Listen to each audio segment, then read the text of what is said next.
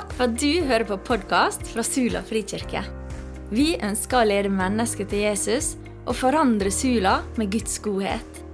Denne talen er spilt inn på en av våre gudstjenester, som er på søndager klokka 11. Vil du vite mer om oss, finner du mer info på Facebook eller på sulafrikirke.no. Du er alltid velkommen til Sula frikirke. Et av mine store forbilder, broder Andreas, eh, gikk hjem til Gud. Eh, ikke uka som gikk, men uka før. 94 år gammel. Og han bevarte sitt, sin glød helt til det siste. Og det er mitt forbilde. Egentlig skulle jeg vel sånn menneskelig sett eh, vært avskilta for lenge siden. Eh, men jeg har fått lov å holde på i Åpne dører de siste fem årene etter jeg var i Lyngdal eh, i elleve år. Og det har vært en stor berigelse. Ikke bare å være sammen med Helge Åkernes, eh, for det er en berigelse i seg sjøl. Eh, men, men, vi har et team jeg, jeg, tror jeg tør si, Helge, har vi ikke det? Vi har et team som er Norges beste. Nesten, i hvert fall. Eh, det er et, eh, det er team med en ledelse som er god, eh, og vi, vi har, et, vi har et, en, en klar retning på det vi holder på med. Og det har vært en stor velsignelse. Men ikke bare det, men å møte de forfulgte. Å møte mennesker som blir forfulgt for sin tro. Og Da snakker jeg ikke bare om å møte litt motstand i skolen eller på arbeidsplassen, som, som er tilfellet hos oss, men men som kan risikere piskeslag, som kan risikere fengsling, og likevel så holder de fast. I hvert fall veldig mange av dem. Det er noen som ikke orker å holde fast. Det er noen som eh, til slutt sier at 'jeg gir opp'. Men vet du hva? Jeg tror vår nåde i Gud han har et øye for de som ikke klarer det. Han hadde et øye for Peter da han ikke klarte å stå. Han ville så gjerne Peter. Han var stor i munnen. Men, eh, men Jesus hadde en spesialhilsen til Peter da han sto opp. Husker dere det? Og Det syns jeg er godt for mitt eget liv. Alle de gangene jeg sjøl har, har svikta. Alle de misbrukte sjansene jeg har bak meg i livet så kan jeg allikevel si at Gud er nådig. Far, vi takker deg for broder Andreas. Takk for alt det han har fått utretta gjennom sitt liv som et forbilde for så mange. Og så ser du at eh, oppdraget er ikke fullført. Og vi vil der be din velsignelse i kveld over de som sitter på ei fengselscelle alene der alt ser mørkt ut, der de føler seg forlatt. Kom, Herre Jesus, og styrk de der de sitter. Vi ber om mot til kristne som opplever at eh, det er farlig å tale evangeliet. Herre Jesus, kom nær med din Hellige Ånd. Takk for at du er der. Takk for at du er her i kveld, Herre. Må du tale til oss. I Jesu navn. Amen.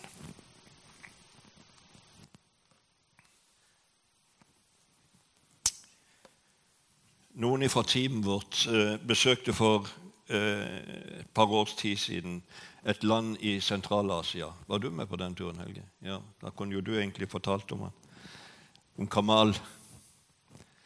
Eh, men nå skal jeg gjøre det allikevel kan du få fri i kveld. Der møtte jeg en, en, en, mann som heter Kamal, som fortalte sin historie om hvordan han hadde kommet til tro på Jesus. Han hadde levd et liv som var preget av vold, alkohol og avvisning. Han hadde muslimsk bakgrunn, men han var ikke noen god muslim. Da bror til Kamal og familien ble drept av noen innbruddstyver, raste livet sammen for Kamal, for broren var den eneste som han hadde vært nær knytta til. Og I denne prosessen forteller han hvordan han ble rasende på Gud, eller på Allah. Hvordan kan du, som er allmektige Gud, tillate at sånt skjer? sa han. Du er en elendig Gud.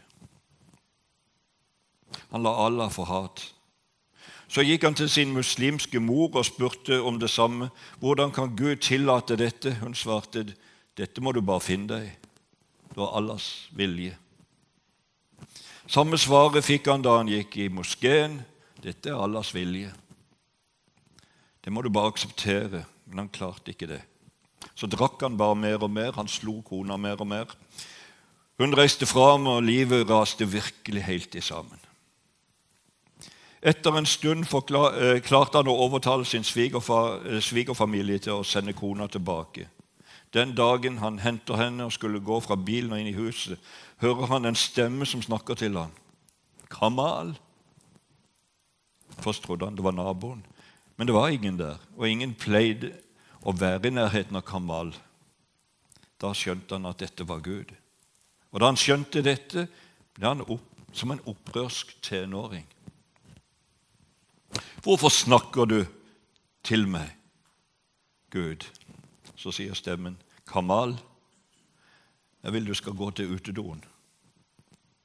Det vil han i hvert fall ikke gjøre.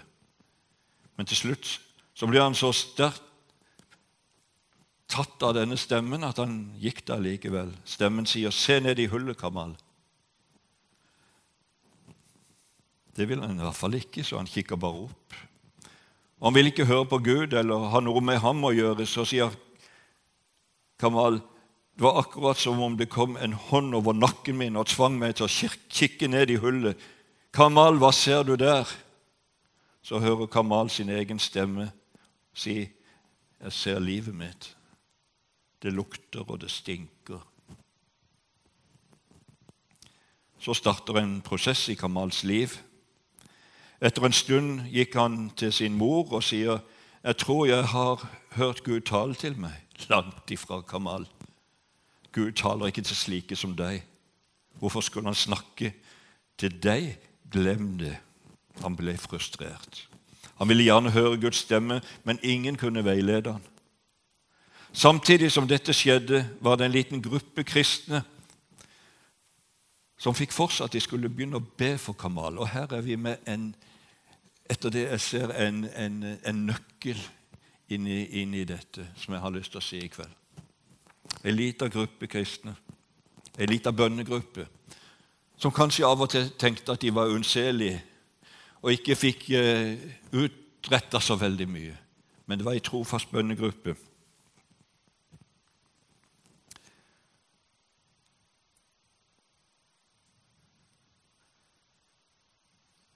Og Etter en kort tid så kom de i kontakt med han. Og det er jo ofte sånn at når vi begynner å be for noen, ja, så skjer det et eller annet at de, eh, vi, får en kontakt på et eller annet vis. Og det er da jeg sier kan det være Herren? Mye sannsynlig. Du går i hvert fall og følger med litt mer og ser hvordan det går med de du ber for. Så kommer de altså i kontakt med han, og han sier jeg tror jeg har hørt Guds stemme, men det er ingen som vil tro på meg. Hva sa Gud til deg da? spurte de kristne. Ja, jeg tror dere, tror dere at Gud kan tale til sånne som meg? Ja, selvfølgelig tror vi det. For Gud elsker syndere. Så fikk disse kristne lov til å starte en prosess sammen med Kamal. Og For å lage ei lang historie kort I dag er Kamal sammen med familien helt sentrale ledere i kirken i et svært lukka land i Sentral-Asia. Og de har leda mange, mange til Gud.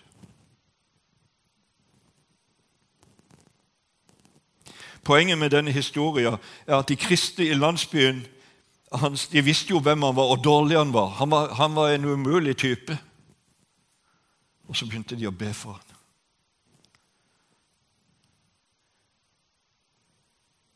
De begynte å lytte til Gud. Hvem er det vi skal be for? Gud? Hva, hva er det du holder på med i det, og det menneskets liv? Har du bedt den i det siste? Har du vært nysgjerrig på hva Gud holder på med i naboens liv? En du jobber sammen med? Kanskje de mest utenkelige, ufyselige menneskene som bare banner og, og, og, og Helt liksom Nesten ikke umulig å snakke med dem.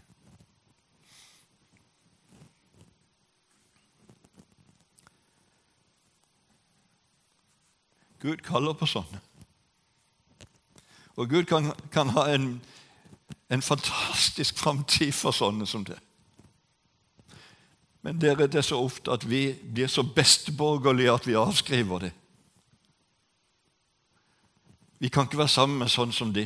Jeg kjørte taxi for å være, ikke bare gjøre ting i, i Frikirka eh, innimellom i Kristiansand. Og på når vi sto på stasjonen og, og, og venta på tur, så kom det, husker jeg en kom bort til meg og så sier han, 'Helge, hvorfor vil du være sammen med sånne som oss?'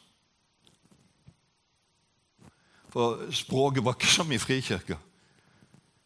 Og det var ikke det de snakka om. Han ble med på alfakurs etter hvert. Jeg vet ikke om han er blitt en kristen. Han ble det ikke den gangen.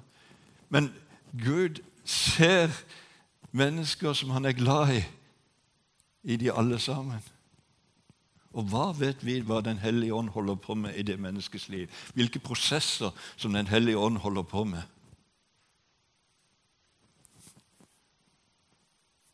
Har bare lyst til å si dette, at ikke, at ikke vi tenker at ja, nei, de er umulige. Så ber vi og ber vi og ber vi om vekkelse. Eh, og så ber vi ofte om vekkelser sånn som det var på 50-60-tallet eh, og rundt der. Det er Gud er ikke en Gud som kopierer. Han er en Gud som skaper noe nytt. Som skaper noe nytt hele tida. Det er hans business.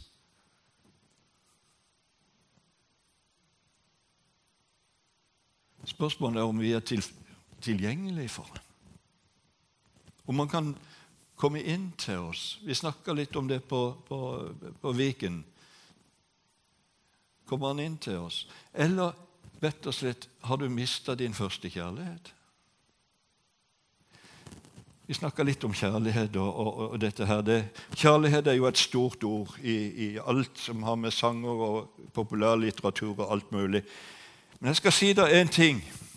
At den gangen jeg ble forelska i Anne-Lise, kona mi skal dere høre åssen det skjedde. Hun var lærer på en skole oppe på Vennesla nord for Kristiansand. Og Så kjørte hun med en eldre eh, lærerinne ned. Eh, og stand, De stansa alltid rett ved siden av det kontoret hadde. Jeg var sivilarbeider i skolelaget. Og så pleide jeg å se ut, og hver gang hun kom, så vinka jeg. Eh, febrilsk, nesten. Og hun vinka tilbake og liksom eh, Ja. Jeg tror ikke hun var like grepen som meg, for å si det rett ut. Og så, og så en dag så Plutselig så hadde hun sykla videre uten at jeg hadde sett henne. Jeg tror jeg hadde sittet i telefonen eller et eller annet. Og så jeg stormer ut og løper etter. Og det var under altså E18 der. Eh, det var en undergang der, og hun var på andre sida, langt der borte. Og jeg roper 'Anne-Lise!' Så hører hun og stopper og kommer tilbake. Og Ja, og hva er det for noe? Ehm, ja, og det var for noe? Det var egentlig ikke noe. Eh, snakk om å føle seg klein, altså. Snakk om å føle seg klein. Men altså, jeg var helt solgt. Det var jo det som var sann, sannheten. Og det har jeg vært i 47 år nå, så det, det har holdt, det òg. Men eh, etter hvert så skjønte hun jo hvor det lå, dette her. da, så Hun måtte bare ha litt mer tid enn meg. Det hører med til historien at uh, dette her var i oktober, og vi ble forlova til jul. Og jeg kunne godt ha tenkt meg at vi hadde gifta oss til påske, men det hadde Hun hadde mer tålmodighet med meg der. Ja, ja, sånn var det. Men den første kjærligheten der Den første kjærligheten til Jesus, husker du åssen den var? Husker du åssen den var?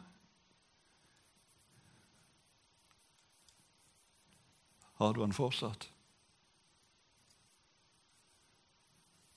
Brenner det fortsatt i hjertet ditt når du snakker om Jesus? Vi sang her i stad. Salig visshet, Jesus er min. Han er min glede, han kaller meg sin. Er dette din glede, eller er det blitt sånn at du bare går på kristne møter rett ut av vanen? For det har alltid vært sånn. Du må jo støtte opp om virksomheten, som enkelte sier. Støtte opp om virksomheten? Hva er det for noe? Hva er det for noe? Og så spør jeg meg sjøl hvis ikke mennesker ser at vi brenner for Jesus, hvordan, hvordan kan de da komme til Han hvis ikke de kjenner noen som brenner?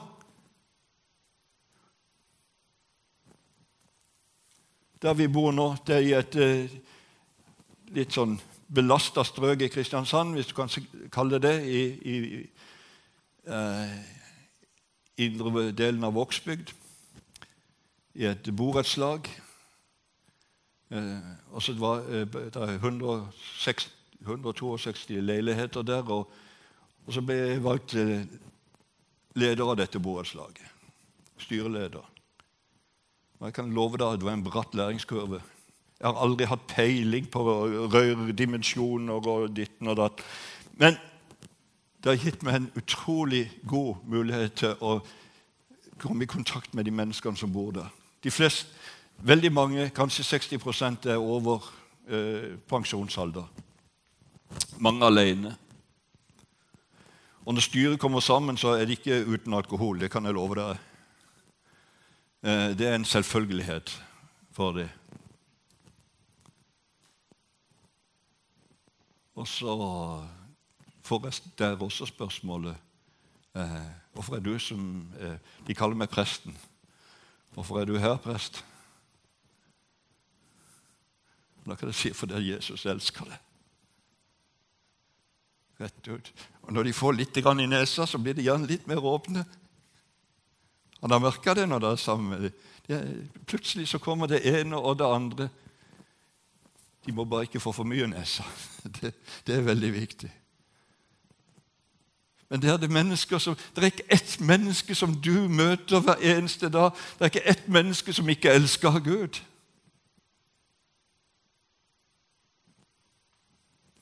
Og Derfor er det denne bønnegruppa som jeg snakker om, som begynte å lytte til Åndens stemme,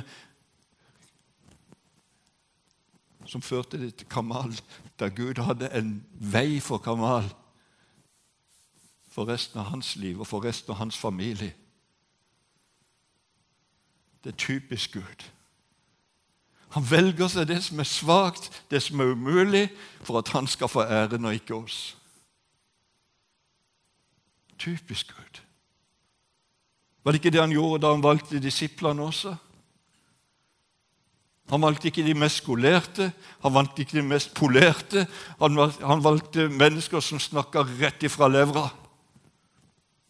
Og Av og til var det ganske ubehagelig. Jeg, jeg, kan forestille meg denne disippelflokken og de tretta om hvem som skulle være størst. og alt det der. De hadde en lang vei til helliggjørelse, og det har vi også. Men Gud gir oss ikke opp. That's the point. Gud gir oss aldri opp hvis vi bare kommer til Han. Erkjenner vår synd og bekjenner vår synd og lever i den daglige omvendelse som Luther snakker om.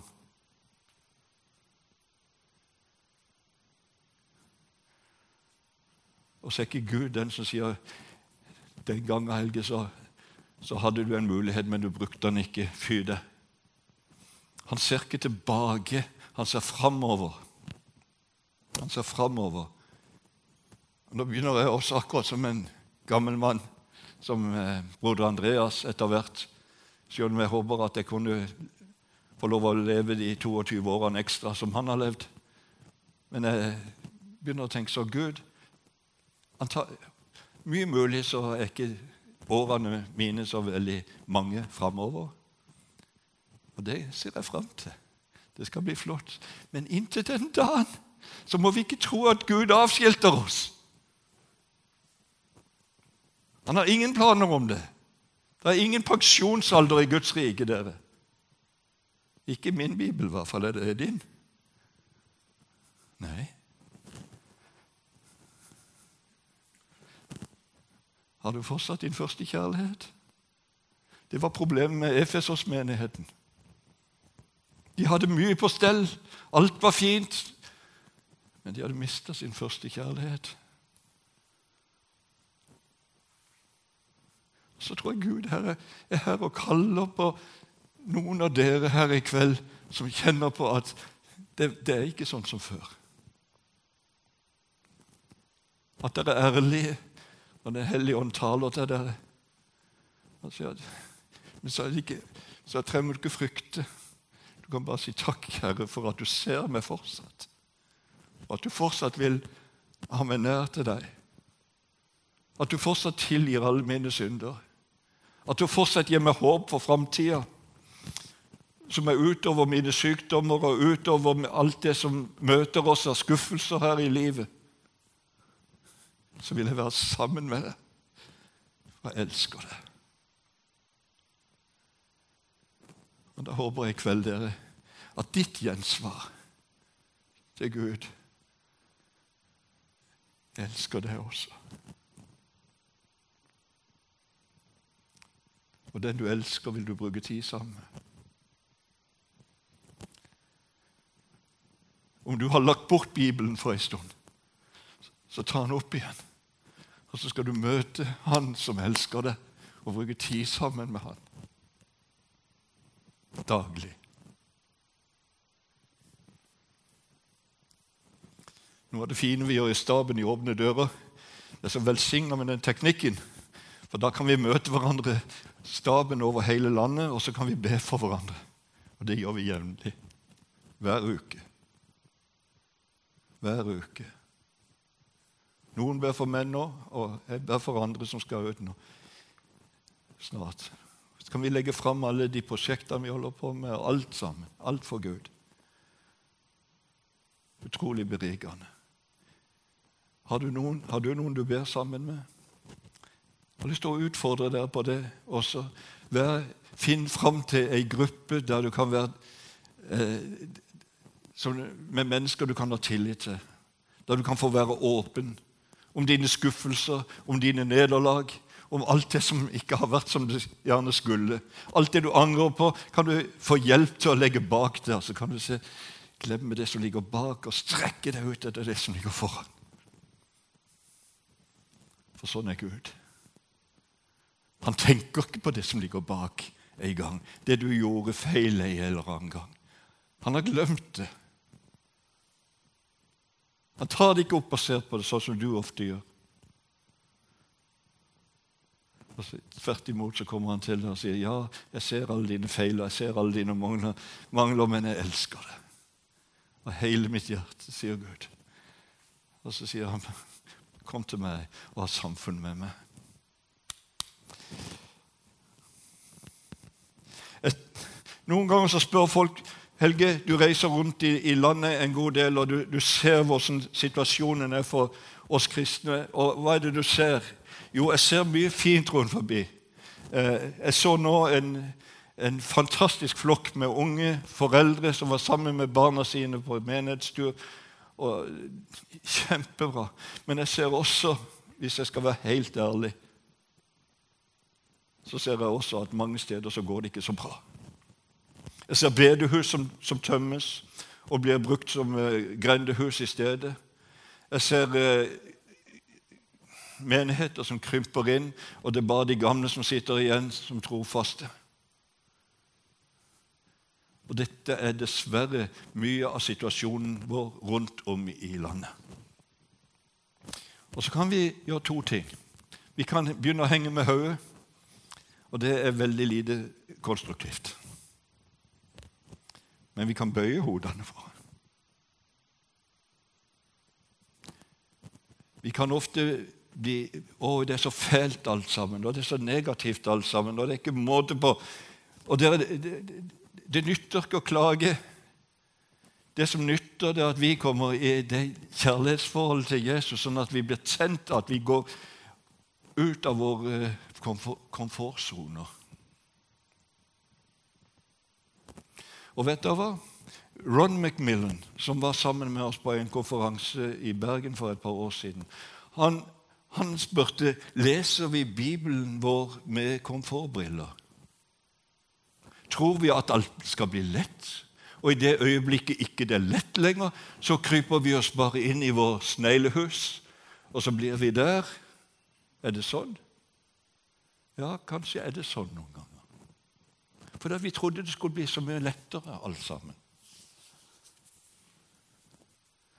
Så sier min bibel i hvert fall at alle som vil følge Jesus, de kan muligens bli forfulgt. Står det det? Ikke min bibel. De skal bli forfulgt. Det er normaliteten, dere. Det er normaliteten i Guds ord at vi skal bli forfulgt. Vi må regne med det. Vi må regne med motstand. Men så har vi en oss som sier jeg vil være med dere alle dager inntil verdens ende, også de vanskelige dagene. Ikke vær redd, barnet mitt. Jeg er med deg. Han holder oss i hånda når vi går. Men jeg lurer på leser vi Bibelen med komfortbriller? Vi tar alle de ordene som, som er trøstende, som, som, går greit Og alt det skal, skal vi ta til oss. Men ta med, ta med også at normaliteten i, i, Det nye testamentet det er forfølgelse. Elleve av, av disiplene led martyrdøden. Elleve stykker. Alle bortsett fra Johannes. Mm -hmm. Og De første kristne ble forfulgt over hele linja. Hvorfor? Jo, for de var lydige.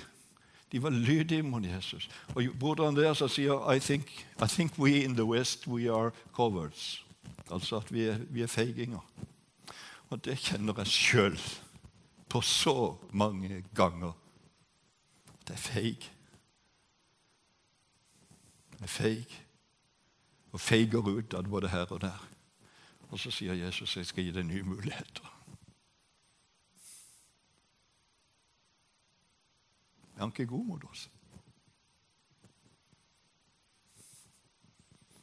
Han hadde all grunn til å holde skjennepreken over mitt liv.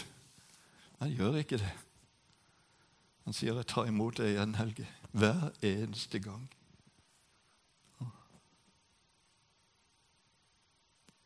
Og så er han her nå, midt iblant oss. Han har sendt sin Hellige Ånd, som taler inn til hjertene våre, som taler inn gjennom Guds ord, som taler til oss der vi er i livet akkurat nå. Kjenner du at han taler til deg i kveld? Så er det én ting å gjøre. Det er si 'Her er Jesus'. Med alt mitt. Med alle mine nederlag, med alt det jeg skulle ønske ikke hadde. Og så sier han, 'Jeg elsker deg. Jeg elsker deg.' Og det er da den første kjærligheten kan blusse opp igjen. Som noe helt nytt. Hilde, sa, Hilde her sa så fint på, på, når vi hadde turen, at det, det som, hun kjente seg som ei tørr grein. Men sa tørre greiner brenner godt, sa Og jeg synes det det var så Godt det du sa, Hilde. Så er det jo det at de tørre greinene de, eh, de bærer ikke noe særlig frukt. Så ikke følg det der bildet for langt. Men, men vi, hvis vi kjenner at vi er blitt tørre, så trenger vi å brenne på nytt. Brenne av kjærlighet. Brenne av kjærlighet så vet jeg ikke, Jeg kjenner ikke mange av dere. Jeg vet ikke hvor dere er i livet akkurat nå. Jeg vet ikke hva utfordringa di er akkurat nå i livet. Kanskje sliter du med sykdom, kanskje sliter du, sliter du med brutte relasjoner. Hva vet jeg? Men det jeg vet, det er at Jesus er den samme som han er for de forfulgte. Han kommer til de, og han kommer til oss. Og så sier han, 'Kom og gå sammen med meg.' Kom og lær av de forfulgte hvordan de møter motstand. Kom og lær av de forfulgte hvordan de forholder seg til frykt. Kom og lær av de forfulgte i, Egypt, som sier om, om muslimene så sier de at det er vennene våre. Til tross for at de er blitt trakassert og forfulgt i mangfoldige år.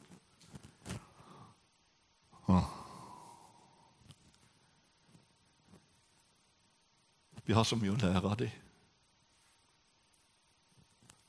Og vi har så mye å lære av å ta Gud på den han er. Kanskje vi, når vi kommer ut av komfortsona, så tør vi mer.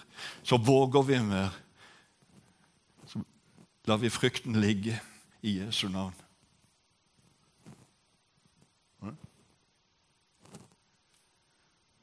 Tror du Jesus kan gjennom ditt liv? Tror du det? Mm. Jeg tror det. Jeg tror han kan vekke opp den samme gleden som du en gang hadde, den samme kjærligheten som nesten gjør deg smågal. Mange ville si om broder Andreas han var gal. Nesten. Når han kjørte inn der med biblene sine, som ingen skulle tro at det var mulig å ikke ha mista en bibel noen gang. Men alle sa det var umulig. Han tørte i Jesu navn. Hadde det vært på tide at vi tar noen skritt i Jesu navn, ut i nabolaget, ut til våre venner som ikke kjenner Jesus, eller ikke vi kjenner Jesus Ta noen skritt i tro der, og se hva som skjer. Men be først. Begynn å be først for det. Og Be i små grupper gjerne, og, og, se, og spør Gud Gud, hva har du fore i det menneskets liv. Hva er på gang? Hva gjør Din Hellige Ånd i det mennesket som er så umulig, som det er nesten helt kul i krampa å få en relasjon til? Hva gjør du der, Gud? For han elsker dem. Ingen tvil om det. De er vennene våre. Motstand, dere. Hvorfor, hvorfor, hvordan forholder vi oss til motstanden når vi møter han? Er det mennesker vi tror er motstanderen? Det er jo ikke det. Efeserbrevet 6 det sier at det er åndeherrene i himmelrommet Det er åndsmaktene i himmelrommet som er våre motstandere. Det er ikke mennesker. Menneskene de elsker Gud. De har bare ikke tatt imot ennå. Og Når Gud elsker dem, så ser han med sine øyne på dem. Takk, Herre Jesus, at ikke du slår hånda av oss når vi har feila, men at du tar imot oss akkurat som to imot Peter med spesialhilsen. Takk for at det gjelder oss alle sammen her i kveld. Og du ser livene våre. Du ser hva vi er flaue for. Du ser hva vi eh, angrer på. Du ser de harde ordene som har falt. Du ser tankene våre. Og vi kommer til deg med det alt sammen, her. Og så takker vi deg for at du tar imot oss her og nå og sier at du elsker oss. Tenn opp, himmelske Far, den frelsesgleden i oss som vi trenger til det daglige livet vårt. Tenn oss på nytt, Herre, hvis vi er blitt lunkne og kalde. Herre Jesus, kom her nå. Du er her. Og vi priser og takker deg for at du steller med oss.